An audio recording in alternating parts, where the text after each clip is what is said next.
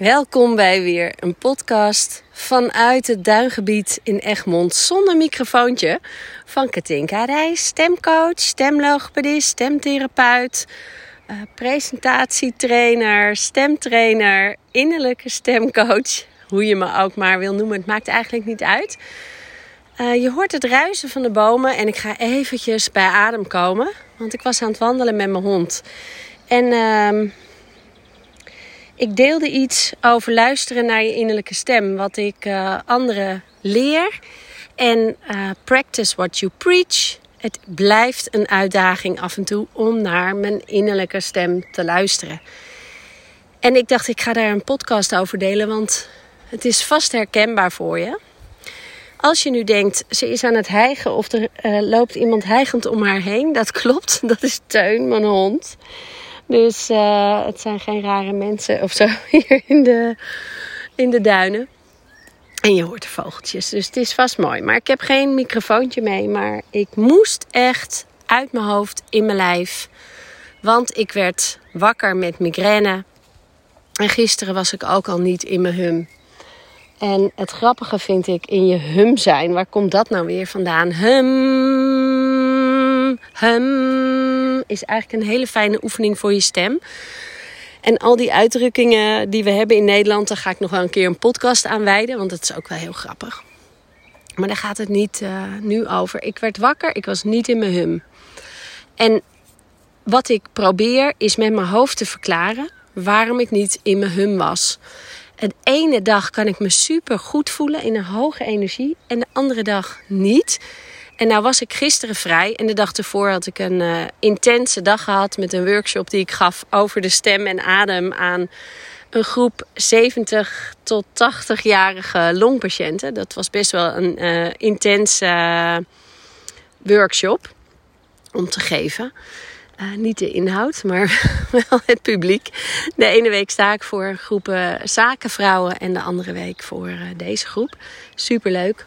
Maar waar het om gaat is dat ik me gisteren afvroeg... waarom voel ik me nou niet lekker? Is dat omdat ik dus werk en niet werk? En als ik niet werk, uh, in een andere, lagere energie kom? Dat is iets wat ik me afvraag.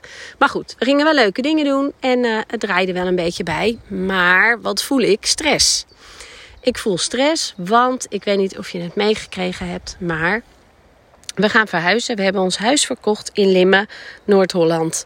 En we gaan verhuizen ongeveer een klein uurtje naar het zuiden toe in Woerdense Verlaat. Daar gaan we wonen. Daar hebben we twee uh, grote stukken land, eilanden noemen ze het daar, hebben we gekocht. En daar gaan we ons eigen huis bouwen.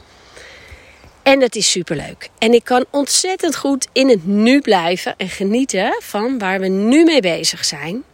Namelijk een groot avontuur.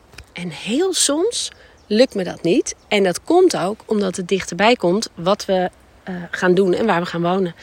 Dus over vandaag precies twee maanden op 11 augustus is de overdracht van ons huis. Dat betekent dat over twee maanden het huis leeg moet zijn. Er zit nog een vakantie tussen die we al gepland hadden. En 15 juli krijgen we de sleutels van de hekken van uh, ons land. En um, we hebben nog niet een plek waar we kunnen wonen. En we weten nog niet of dat mag op een van de eilanden? Dat is nu de vraag die uitstaat bij de gemeente. Dus gemeente, mocht je dit horen, zeg gewoon lekker ja. Jullie mogen daar woonunits neerzetten tijdens de bouw. Maar goed, dit stukje, dat voelde ik heel duidelijk van binnen. Dit geeft mij stress. Dat ik niet weet waar ik over twee, week, twee maanden woon. En dat uh, kan je je vast voorstellen. En de hele tijd kan ik er vertrouwen in hebben dat er iets komt wat helemaal passend is gedurende het half jaar of een jaar dat we daar aan het bouwen zijn. En dat is denk ik ook de enige manier waarop je dit kan doen. Loslaten, loslaten van je zekerheid en vertrouwen, vertrouwen op het goed komen van wat je wil. En niet van het komt wel goed, het loopt wel los. Dat niet, zo ben ik helemaal niet. Je moet echt geïnspireerde actie ondernemen. Broodkruimeltjes volgen die er voor je liggen om op het pad te komen waar jij moet zijn. Dus daar moet je echt wel iets voor doen. En vertrouwen, je, dat is super belangrijk. Dat gevoel van binnen, wat er ook gebeurt, het is de juiste weg. Het is het pad wat ik mag gaan. En in mijn leven is dat echt niet allemaal makkelijk geweest. Maar um, het is blijkbaar wel wat ik te leren had en nog steeds te leren heb. Namelijk controle loslaten, uh, vertrouwen hebben in um, dat alles er al is en dat het mag ontstaan voor mij, voor ons, zoals het goed is. En als het even niet meezit, heeft het vast een reden. En op die manier te leven maakt het voor mij lichter en fijner en leuker en ook meer een avontuur. En dat vind ik heel belangrijk. Ook in onze relatie. Dat je samen een plan hebt. Dat je samen avonturen beleeft. En dat je het samen leuk maakt. Nou, even terug naar gisteren. Ik, um, ik zit in een, uh, nou, een verandering van woonplek. Maar daar hoort ook werk bij. Want in Noord-Holland heb ik nu ruim 30 jaar mijn netwerk als logopedist stemcoach. Dus daar weten mensen mij te vinden. En ze weten ook, ik kan iemand naar Katinka toeverwijzen, daar zit ze. Dus ik had bedacht, en bedenken gaat uit je hoofd natuurlijk. Dat gebeurt met je, met je hoofd, met je hersenen, je ego. Ik had bedacht dat ik één dag blijf huren in de buurt van waar ik nu woon. Een ruimte waar ik kan werken. En dat zorgt er dan voor dat ik een beetje zekerheid heb. Want ik doe wel zo makkelijk over vertrouwen dat er komt en dat alles er voor jou komt zoals het mag zijn. Maar dat is natuurlijk niet dat ik continu me zo voel. Dus er zijn momenten dat ik denk: ja, maar ik heb hier een netwerk opgebouwd. Ik heb een praktijk 30 jaar. 30 jaar, mensen. Waar hebben we het over? Wat een tijd. En die laat ik zomaar los. Die laat ik achter. Om iets nieuws te gaan beginnen in Woerdense Verlaat. Op ook mijn eigen natuureiland. Waar ik mooie dingen kan creëren voor uh, groepjes. Groepjes vrouwen die naar hun innerlijke stem willen. Um, die willen luisteren en beter willen voelen zodat ze een leuke leven hebben. Niet burn-out raken. Uh, zich vrij kunnen voelen. Energie kunnen voelen. Zich kunnen uitspreken. Nou, dat is allemaal waar ik mee aan de gang ga. Daar. Maar dat is er nog niet. En dat is misschien begin volgend jaar, op z'n vroegst, dat dat kan. Dus wat ga ik dan in die tussentijd doen? Nou, komen allemaal plannen, namelijk mijn boek waar ik aan begonnen ben, afschrijven. Een kaartendek maken over stem, adem, energie en voelen en de mind. Wordt vast superleuk. Die zie ik al helemaal voor me. Maar ik wil ook werken, want ik word blij van werken met mensen. Ik word blij als ik contact heb met een vrouw die zegt: Wauw, het is voor mij zo'n mega verschil dat ik nu me uit durf te spreken, dat ik er durf te staan, dat ik mijn ruimte durf in te nemen. Dat ik niet meer wakker word met angsten, dat ik vertrouwen heb. Nou, daar ga ik helemaal van aan. Daar word ik natuurlijk super blij van. En daar krijg ik energie van. Dus, oké, met mijn hoofd had ik bedacht: ik ga één dag huren in Limmen of omgeving. En dan uh, heb ik ook lekker inkomen. Dus daar komt hij. De zekerheid van inkomen hebben. En die voel je vast. Dat is natuurlijk ook super belangrijk. Inkomen hebben, genoeg om je vaste lasten te betalen. Ja, dat is wel lekker, ja. Dus dat was wat ik bedacht had.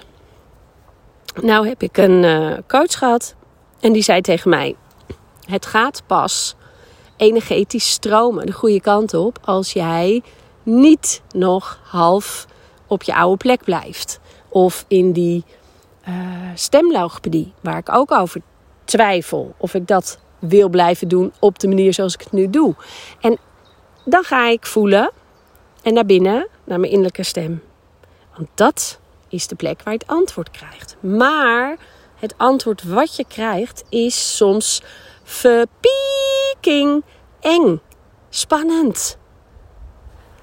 Dus voelen is een super mooie oplossing en een super mooie manier om een antwoord te krijgen. Maar het is wel mega eng. Mega eng. Dus ik ging eerst stappen ondernemen om stappen nemen in het ondernemen om te kijken naar een ruimte. En gisteren ging ik naar, of eergisteren ging ik naar een plek waarvan ik dacht: het is helemaal geweldig. Het is een uh, centrum waar een aantal therapeuten en masseurs werken, holistisch. Dus de mens als één geheel. Uh, van, van lijf, van, van klacht tot aan uh, de mind, de psyche, spiritueel, energetisch. Alles. Alles heeft met elkaar te maken. En daar geloof ik heel erg in. En dat is ook de manier waarop ik werk. Dus ik ging naar dat centrum. En ik liep rond en ik dacht, heel praktisch, mooi centrum. Mooi centrum, gezellig. Um, een fijn muziekje, fijne sfeer. Ik rook een beetje een lekker geurtje. Um, en de kamerdeuren stonden open. Dus ik kon mooi naar binnen kijken. Het was een fijne wachtkamer. En toch voelde ik me bleh, daar. En ik ging naar buiten en ik dacht: ik voel het niet. Ik voel het daar niet. Ondanks de geweldige ruimte. En wat realiseerde ik me? Ik ben weggegaan uit een gezondheidscentrum een aantal jaren geleden. Um, daar, daar waren wat dingen die niet zo lekker liepen.